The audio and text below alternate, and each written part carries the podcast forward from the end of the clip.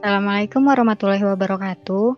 Halo teman-teman, selamat datang di konten terbaru Himas Polban, podcast Himas Polban bersama saya Edi Esta. Gimana nih kabar teman-teman di penghujung tanggal merah di minggu ini? Semoga baik-baik ya. Jangan lupa tetap patuhi protokol kesehatan di mana pun kalian berada. Tanpa berlama-lama lagi, mending kita mulai aja yuk. Nah, di sini aku udah bersama salah satu tokoh penting nih, yaitu Ketua Himpunan Mahasiswa Jurusan Teknik Sipil Polban periode 2020-2021 Kabinet Aksi Karya, Kang Ahdan Jauh Hari Arfi. Halo Kang Ahdan, apa kabar? Halo teman-teman, alhamdulillah sehat. Gimana nih uh, dari dari Esta sendiri gimana kabarnya? Alhamdulillah sehat Kang.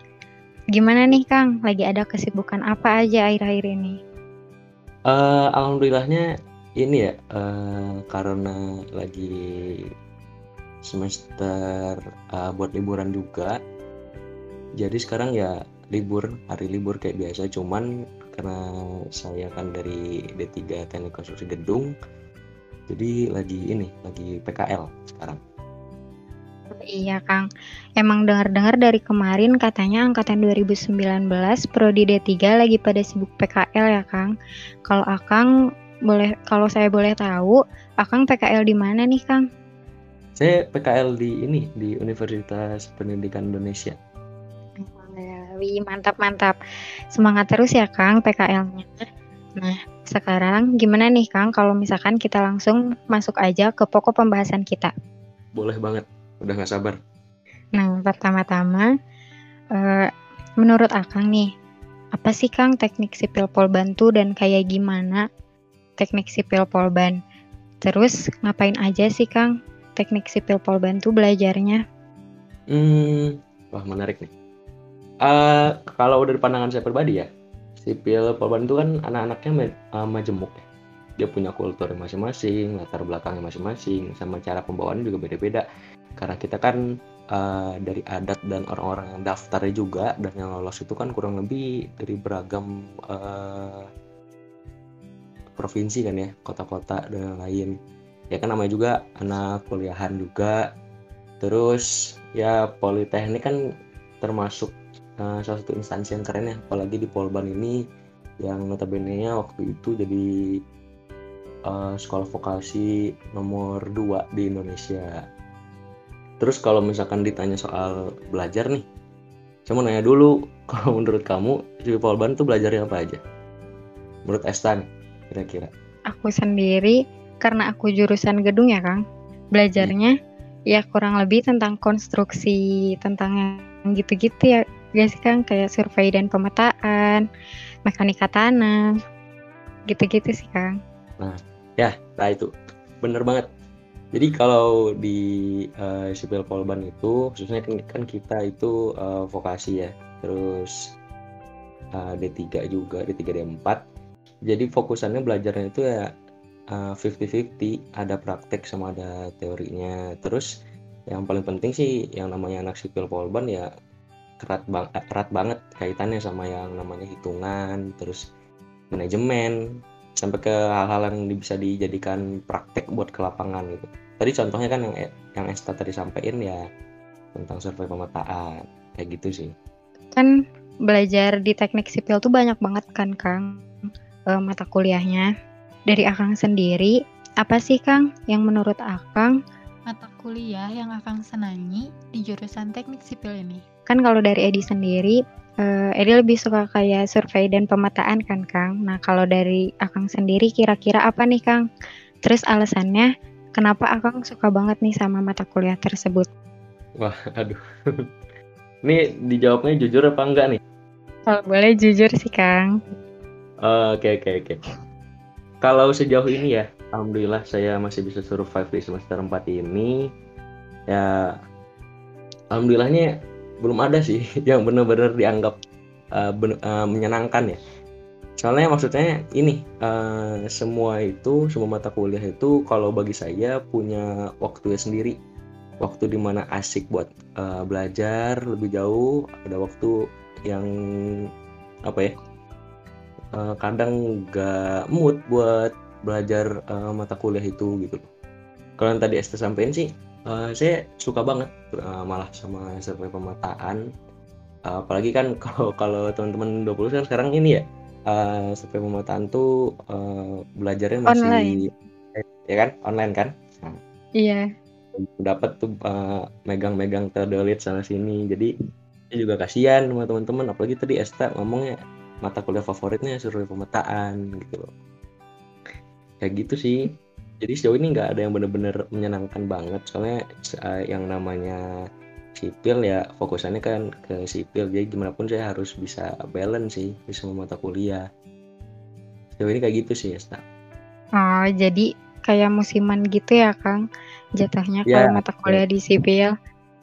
Ya ya Nah, sekarang kita masuk ke pertanyaan yang paling sering banget ditanyain sama maba nih, Kang, termasuk saya waktu awal-awal jadi maba. Kan anak-anak sipil tuh katanya harus jago fisika sama jago gambar. Nah, tanggapan Akang kayak gimana sih, Kang, tentang isu-isu kayak gitu, Kang? uh, aduh, sebenarnya ini sih nggak nggak harus ya, karena kalau yang namanya kuliah khususnya itu di kan kita di teknik sipil ya.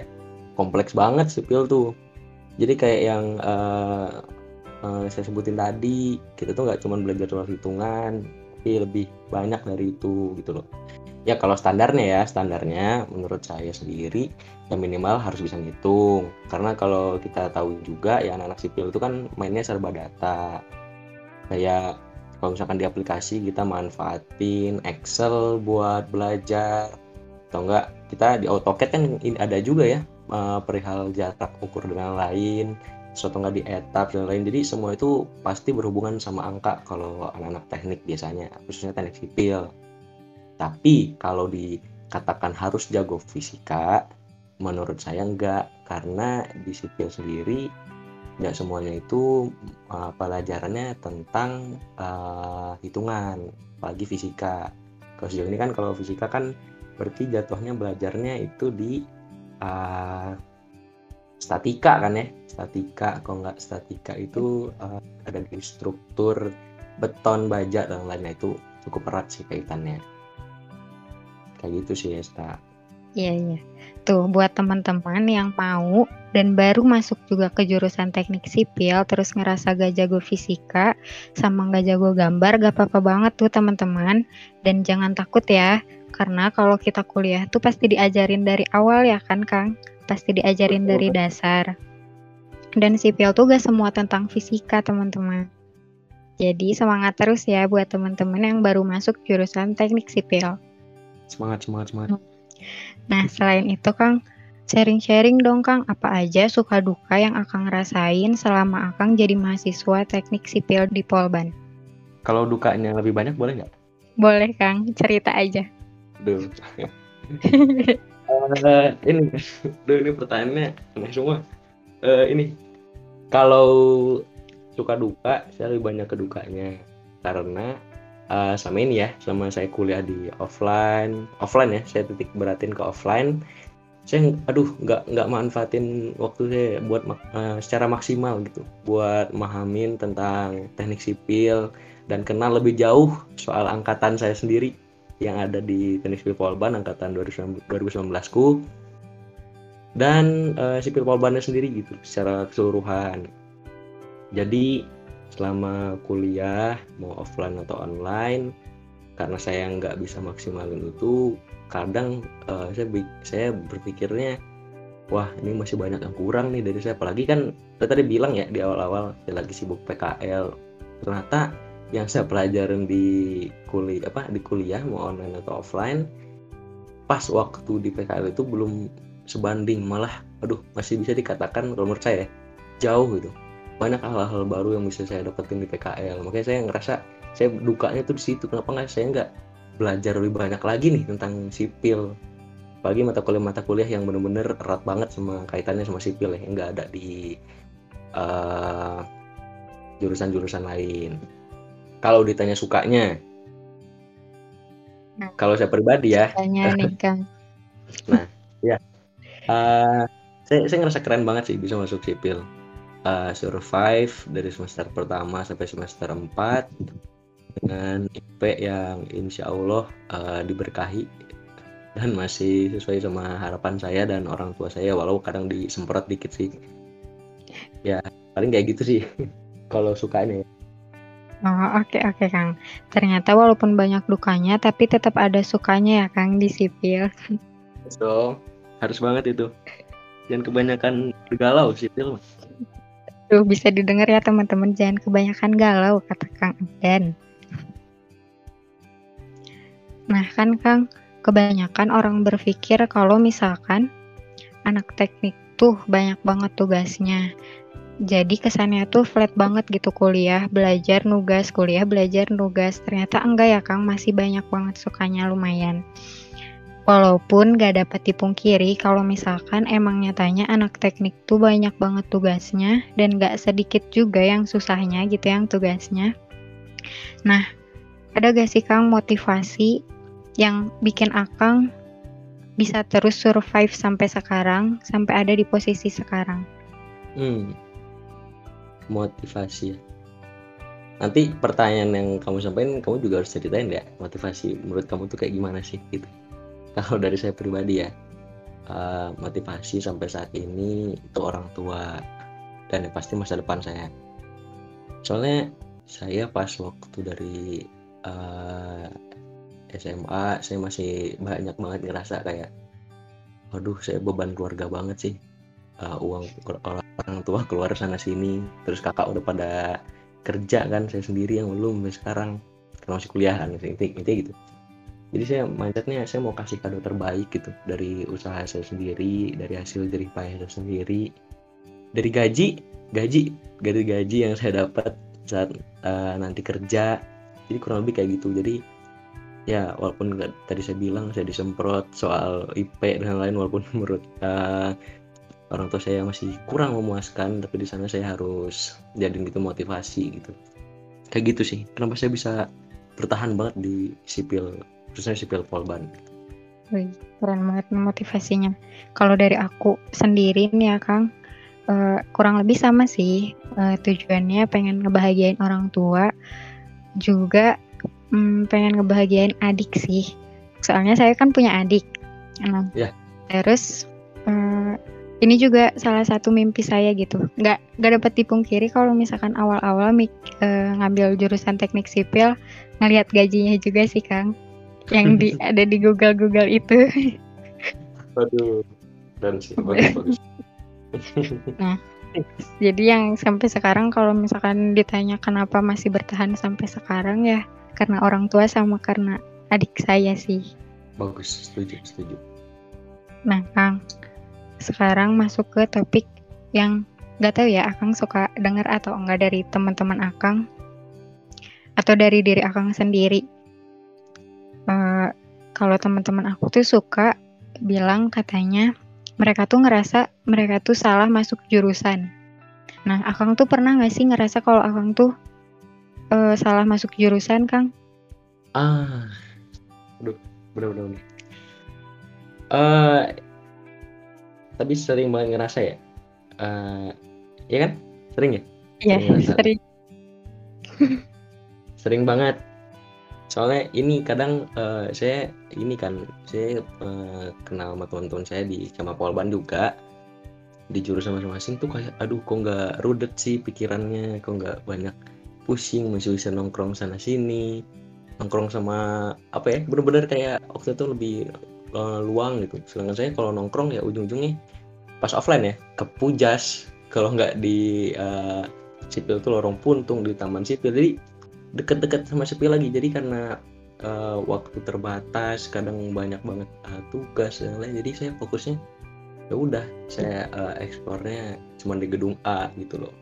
Jadi kalau bilang salah jurusan sih duh sering banget. Soalnya ini uh,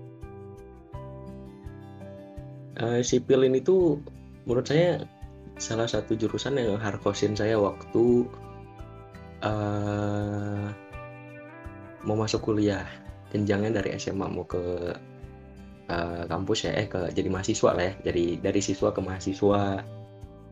Saya tuh diharkosin dengan saya bermindset dulu uh, sipil ini tuh pasti banyak gambar.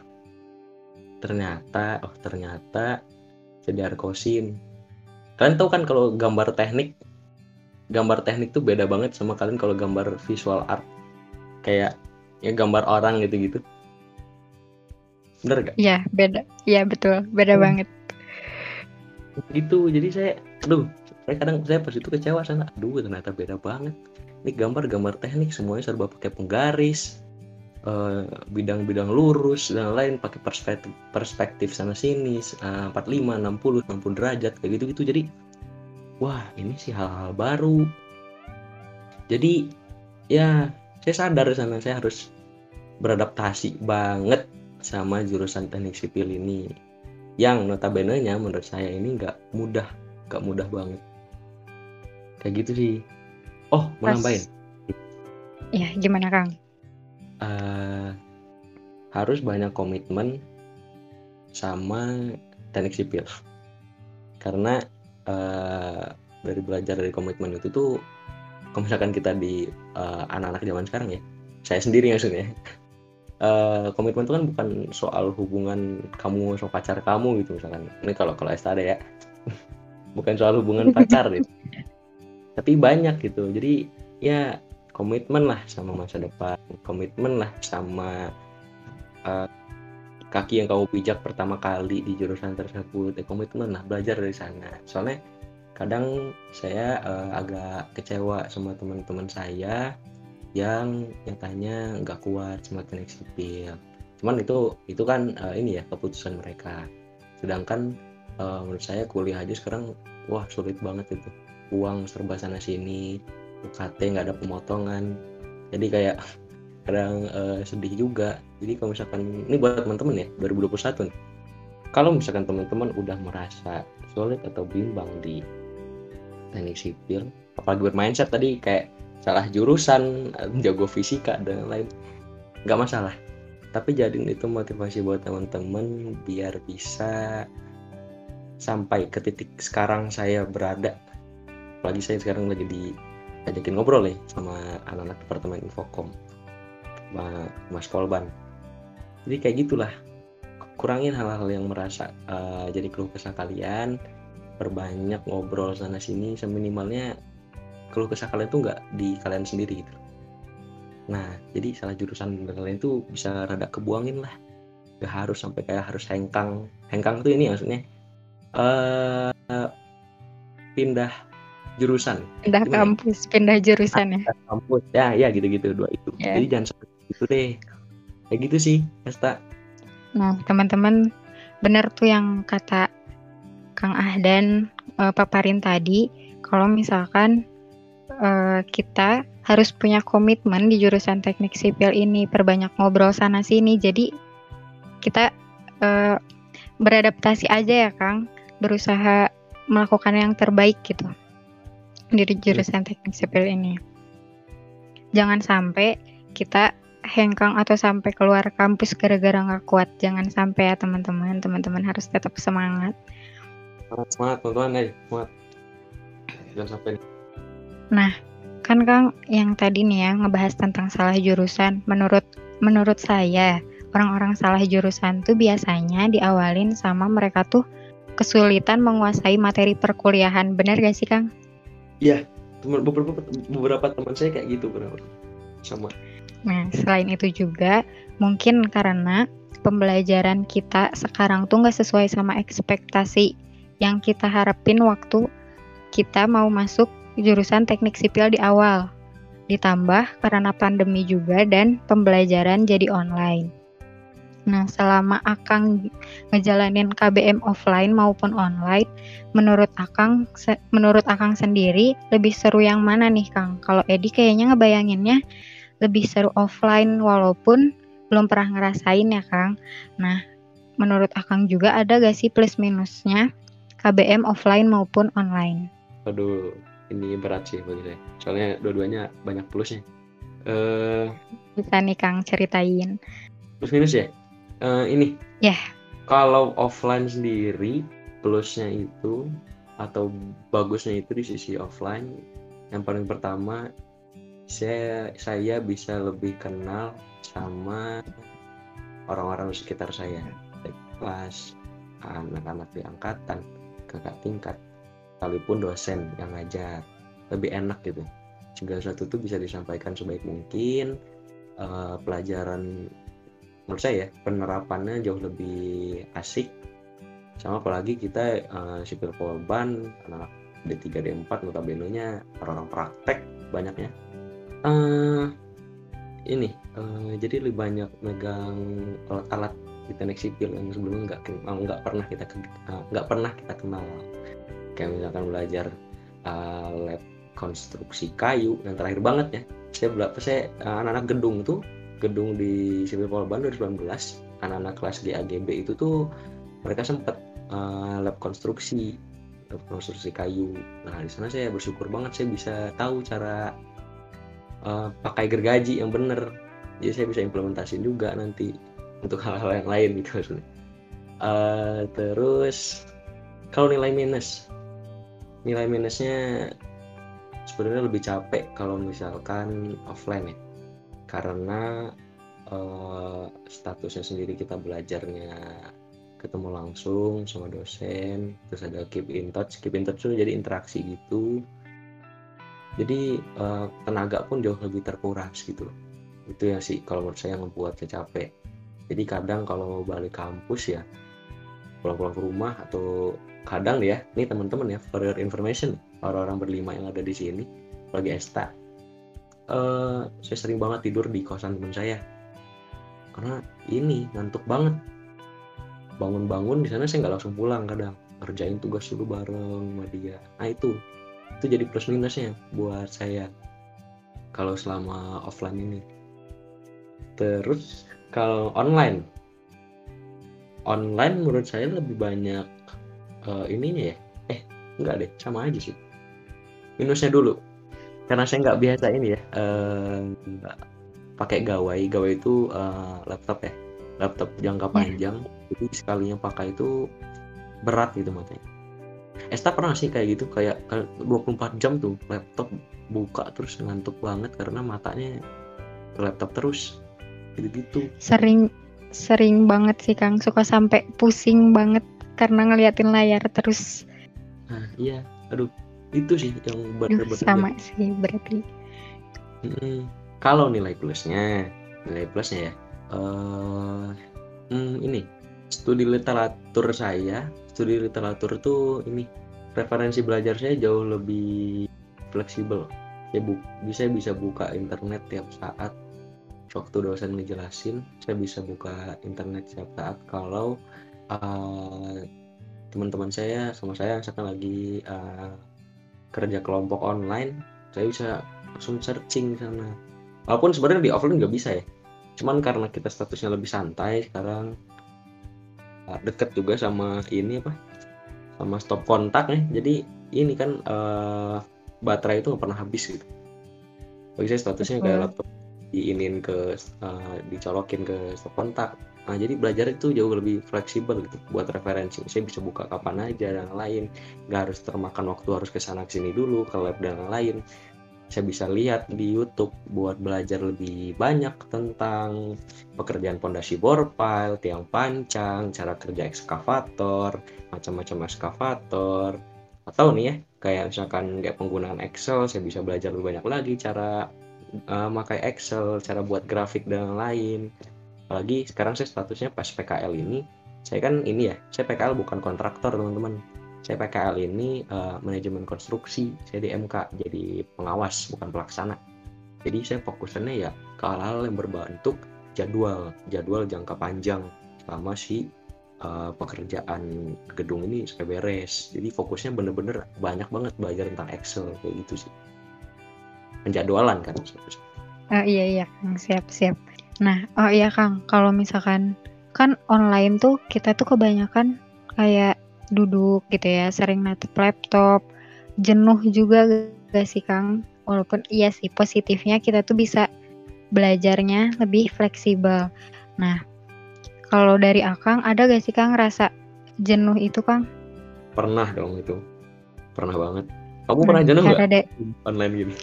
Sering banget Kang. Dari awal saya kan off eh online. Aduh, ya itu kalau jenuh tuh ini eh, hal lumrah ya, Sob. wajar banget buat kita nih ya umat umat eh, apa umat lagi. Eh, buat kita umat beragama ya jenuh tuh hal wajar. Malahan kalau sisi positifnya ya harus disyukurin. Eh salah kata-kata jangan disyukurin harus disyukuri. Nah jadi eh, ini apa kalau jenuh tuh kan jadi pertanda kita buat punya pikiran untuk bisa bergerak lebih baik gitu jenuh itu jadi pertanda kita buat banyak cari alur baru cari gaya baru cari metode baru buat ngembalin semangat yang minimalnya dan menghasilkan eh, cara atau alternatif yang sebelumnya itu belum pernah kita ketahui. Sama nih, kalau kan eh, ya kan ini ya eh, alhamdulillah diamanahin juga jadi ketua himpunan. Divisi saya tuh kalau teman-teman bisa ingat, bisa lihat solutif dan inovatif.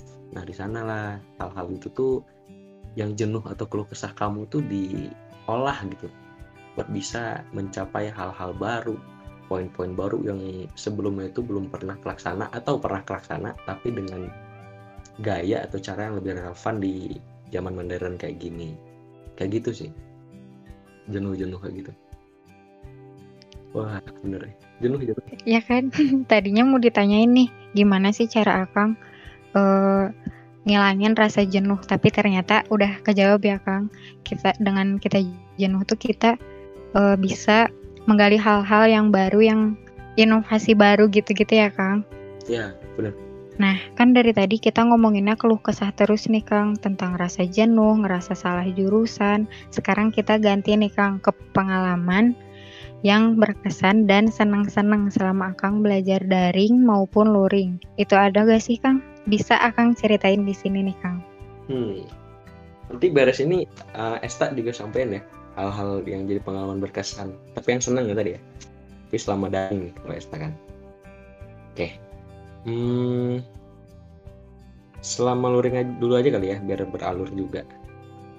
Hmm, Boleh Kang. pengalaman berkesan ya?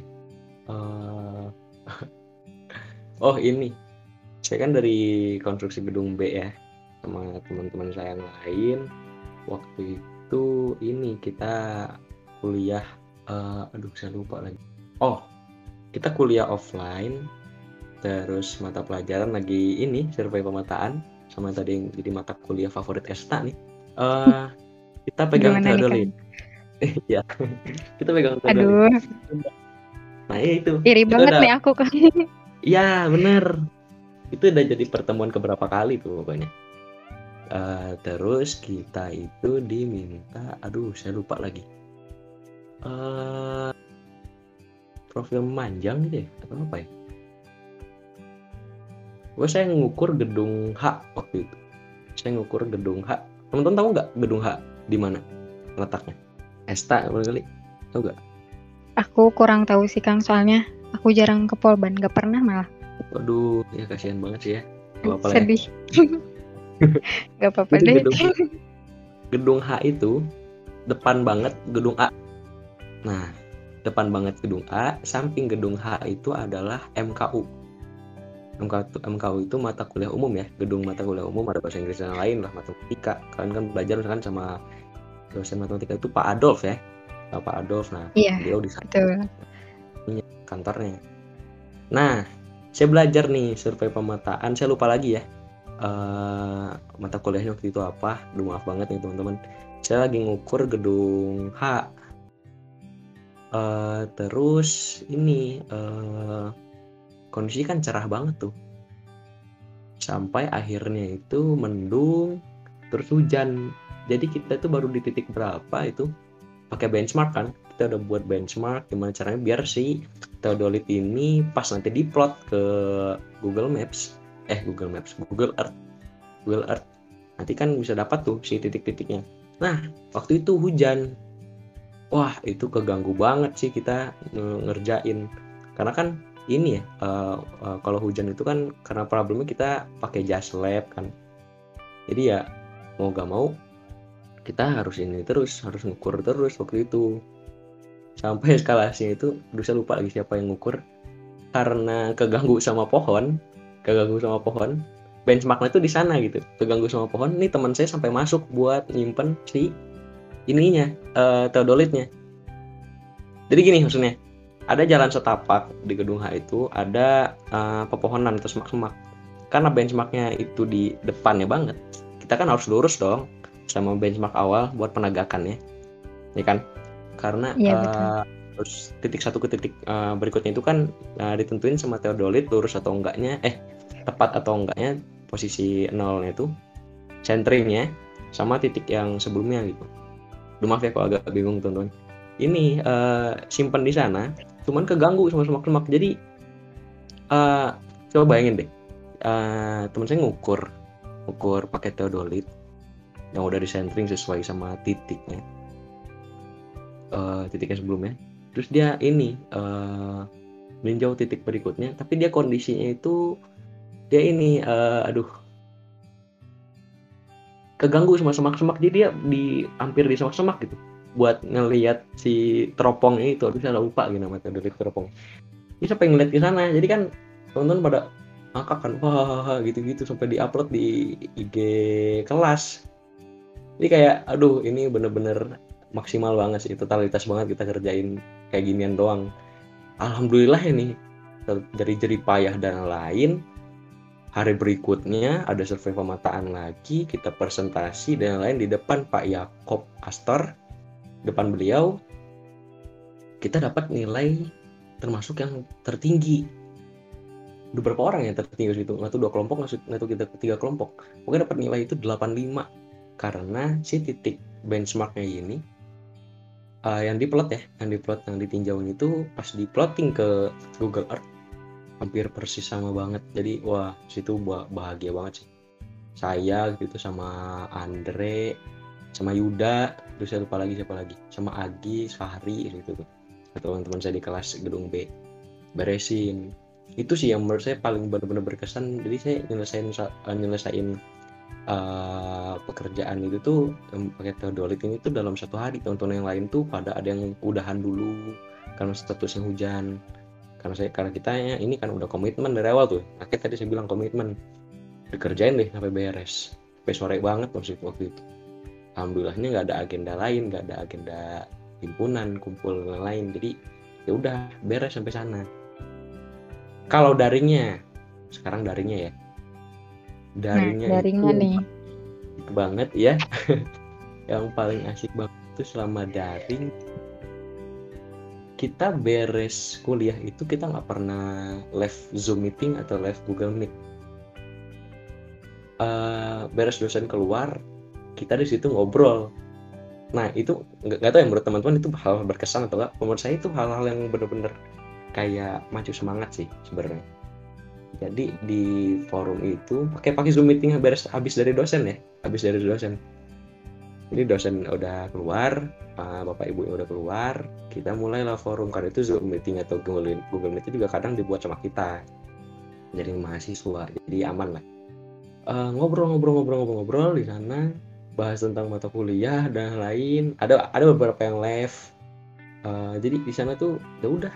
Kan kayak kerja kelompok gitu tapi online gitu. Ada yang share screen ada yang ngejelasin dan lain jadi itu sih. Menurut saya itu hal menarik ya yang nggak semua orang itu bisa rasain gitu. Walaupun di kondisi pandemi di kondisi kita harus belajar daring ya benar-benar manfaatin waktu buat ngobrol sih. Ngobrol bahas banyak hal gitu kayak kayak gitu sih Esta Duh maaf ya mbak. Panjang banget. Kayak kayak gitulah kurang lebih. Duh seru banget gak sih Kang dengarnya apalagi waktu offline. Pengen banget kayak gitu. Terus kegiatan yang dilakuin sama Kang Ahdan sama teman-temannya juga benar-benar definisi usaha tidak mengkhianati hasil gak sih Kang? Iya. ya kan? Nah kalau dari Edi sendiri uh, pengalaman berkesan selama online paling kayak kalau tugas-tugas gitu sih Kang kayak mepet-mepet misal jam tengah malam gitu-gitu masih masih bisa kekerjain karena online. Terus kalau sama teman-teman juga kurang lebih sama.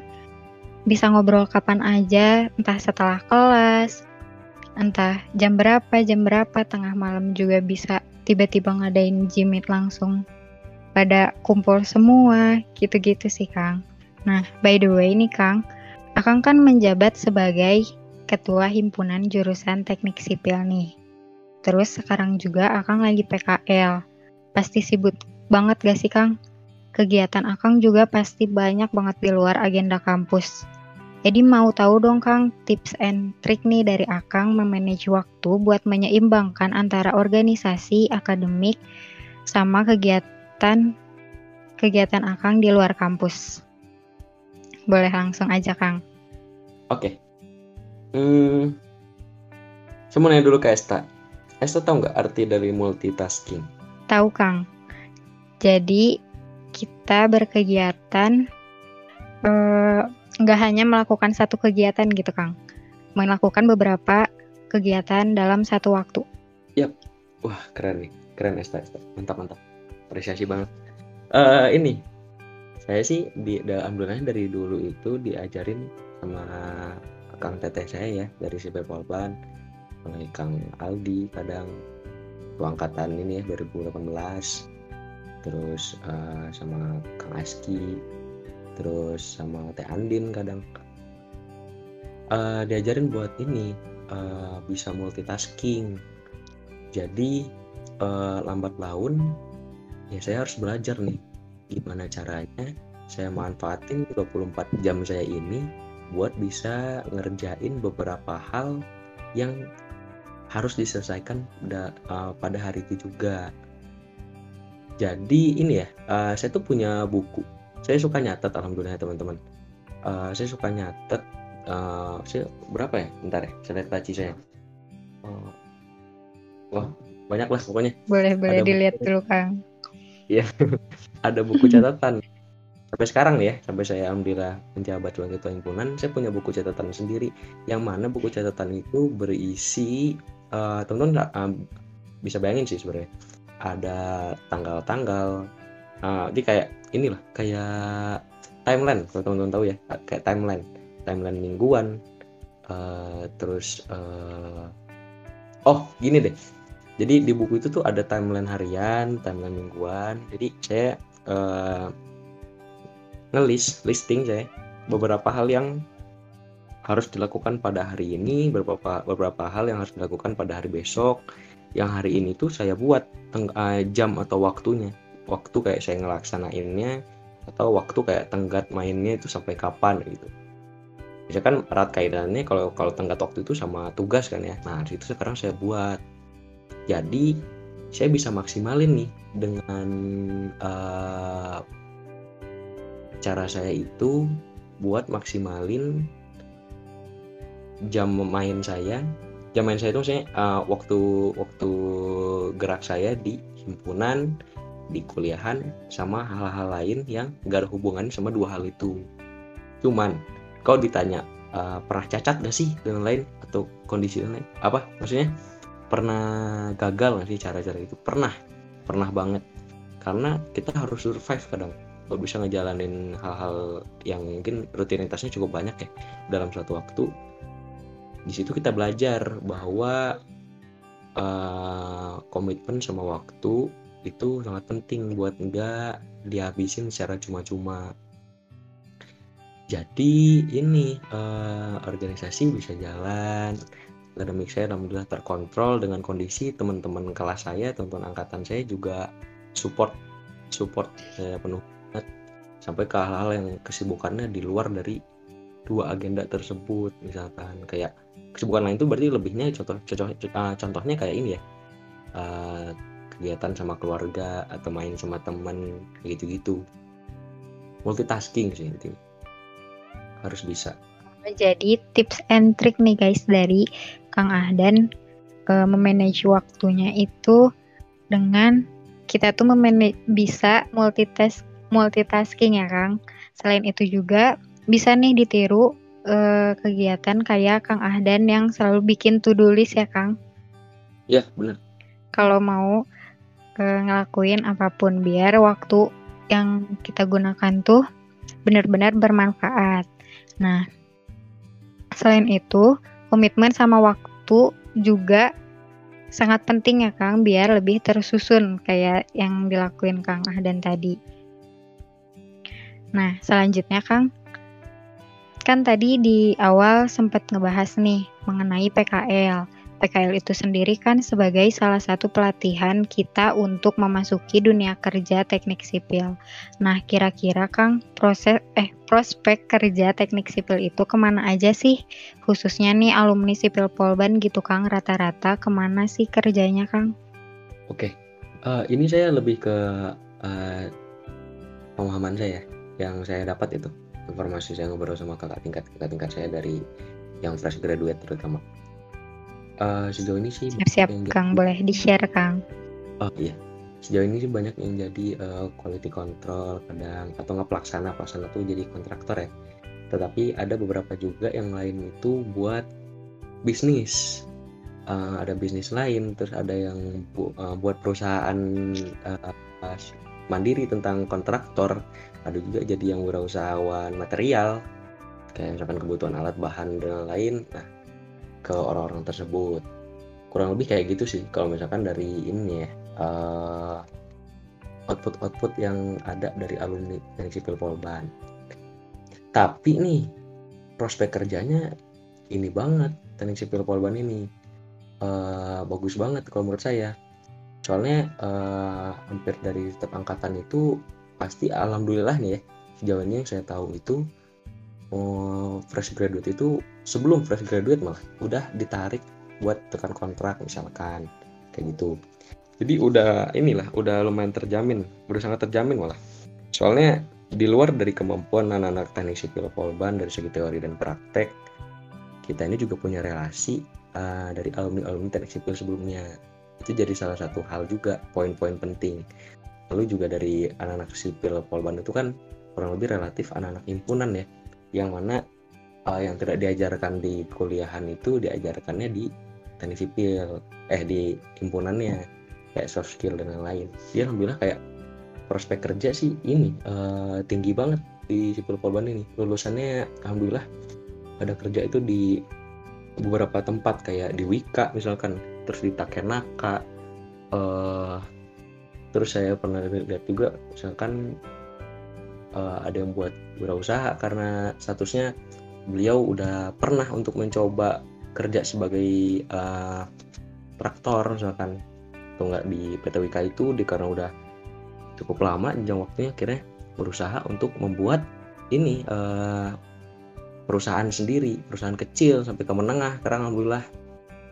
Kayak gitu sih kurang lebih kalau ke alumni dari sipil Polban ini. Jadi jangan inilah jangan sampai berpikiran aduh saya kuliah susah eh belajarnya gini gini gini gini. Minimal itu kita paham dulu tentang dasar teknik sipil mata kuliahnya sendiri sama kita bisa ngebangun sama kakak-kakak tingkat kita yang nantinya bakal jadi lulusan jadi orang-orang hebat yang bisa ngukir sejarah buat nanti di prospek kerja dari teknik sipil Polban kayak gitu sih Esta jangan takut lah pokoknya. Insya Allah. Wih keren-keren banget nih Kang ternyata. Dan jatuhnya prospek kerja jurusan teknik sipil tuh luas banget ya Kang? Luas banget, luas banget. Nah jangan takut ya teman-teman. Oh iya Kang, selain itu eh, kan jurusan di Polban tuh ada D3 sama D4. Nah, kalau untuk alumni D3 sipil Polbannya gitu Kang, ada gak sih ekstensinya Kang?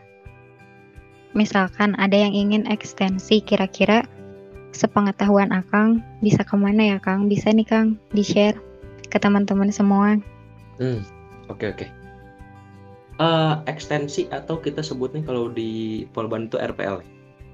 Uh, eh, nah jadi nanti ini uh, kalau di luar itu kan masuknya kayak ekstensi ya, jenjang dari uh, D3 ke D4 atau ambil S1. Nah Uh, kalau di RPL itu di Polban itu karena kita prospeknya cuma D4 di TPPG sama TPJJ ya.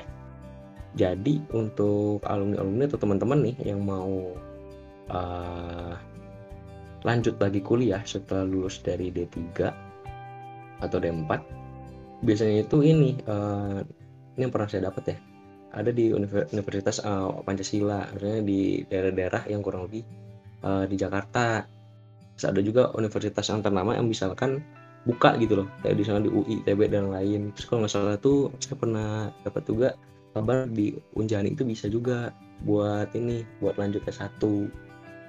Kurang lebih kayak gitu sih. Tapi sejauh ini teman-teman dari kakak tingkat saya yang anak-anak kelas gedung A ininya Kahim Geri ya Kahim Geri uh, terus Kang Noval Zohdi dan lain uh, itu RPL-nya di Polban buat naik ke uh, D4-nya kayak gitu sih.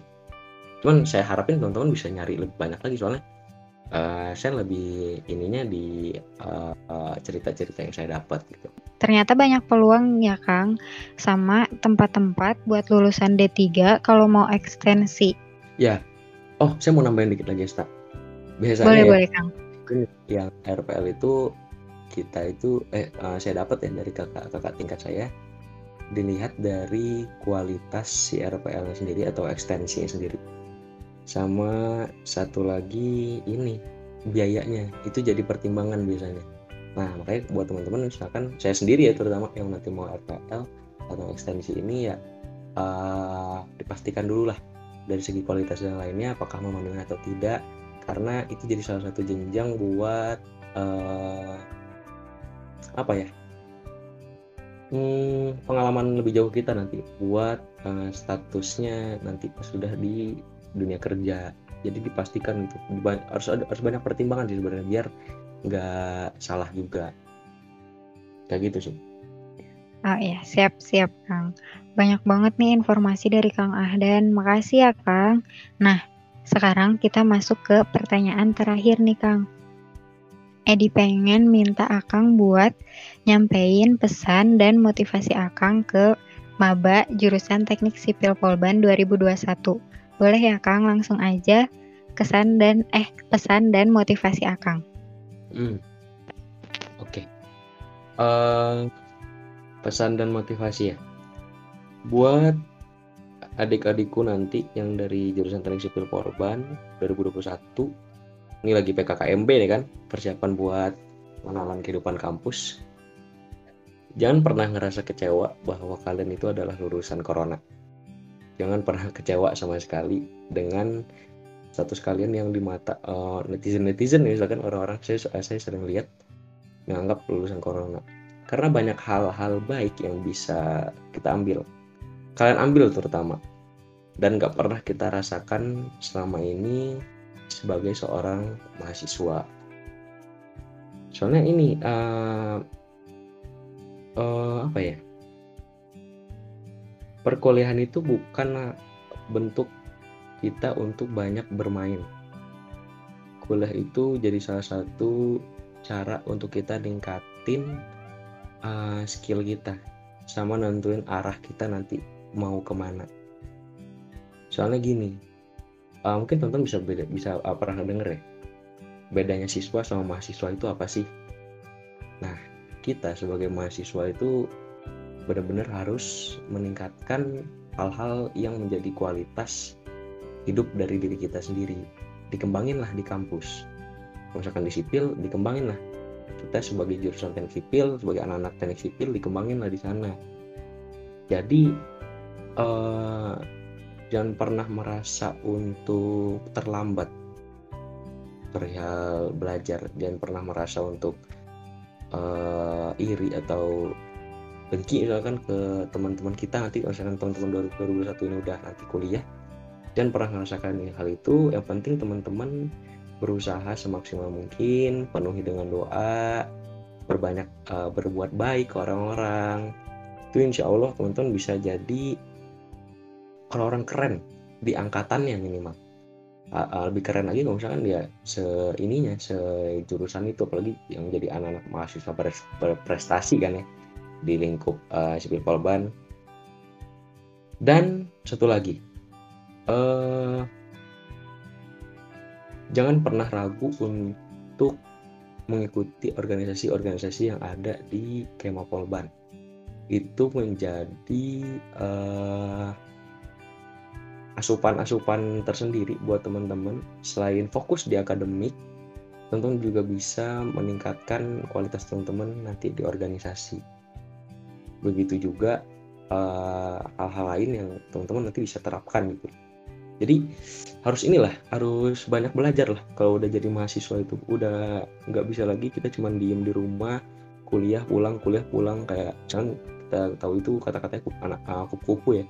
Nggak bisa kayak gitu, harus benar-benar bisa menciptakan target baru untuk dapat membuat masa depan jauh lebih baik kayak gitu sih Wah, mantap banget nih pesan sama motivasi dari Kang Ahdan bahwa kita sebagai mahasiswa harus fokus di akademik dan bisa mengikuti banyak organisasi-organisasi, banyak juga belajar karena kita udah jadi mahasiswa sekarang. Nah, semoga teman-teman 2021 bisa termotivasi dan jadi lebih semangat ya kuliahnya nanti. Oke deh, kita, tadi kita udah bahas, amin. Oke deh, Tadi kita udah bahas banyak nih tentang kuliah di teknik sipil, tips and trik seputar kuliah, alumni teknik sipil, dan masih banyak lagi. Yang tadi udah kita obrolin bareng Kak ah Kang Ahdan. Makasih banyak buat Kang Ahdan yang udah mau ngeluangin waktunya untuk ngobrol-ngobrol bareng kita, berbagi ilmu dan berbagi pengalamannya.